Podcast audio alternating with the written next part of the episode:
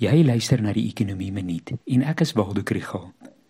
Om netwerkinfrastruktuurdienste soos elektrisiteitsvoorsiening, watervoorsiening en die spoorweë aan die werk te hou, is die belangrikste wat die regering kan doen om die ekonomie aan die gang te hou.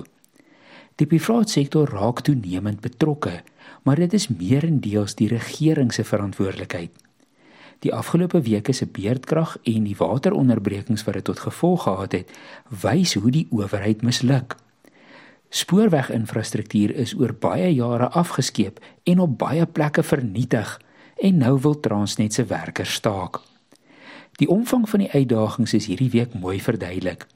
Die ondersoekende joernaliste Amabungani het twee pykberigte gepubliseer onder die opskrif The Collapse of Old King Coal Dit verduidelik hoe dit gebeur het dat Eskom se steenkoolkragstasie so hard gebruik is en so min onderhoud gedoen is en hoe die vertraging van die verkryging van hernubare energie vanaf onafhanklike produsente veroorsaak het dat beerdkrag nou die ekonomie knou.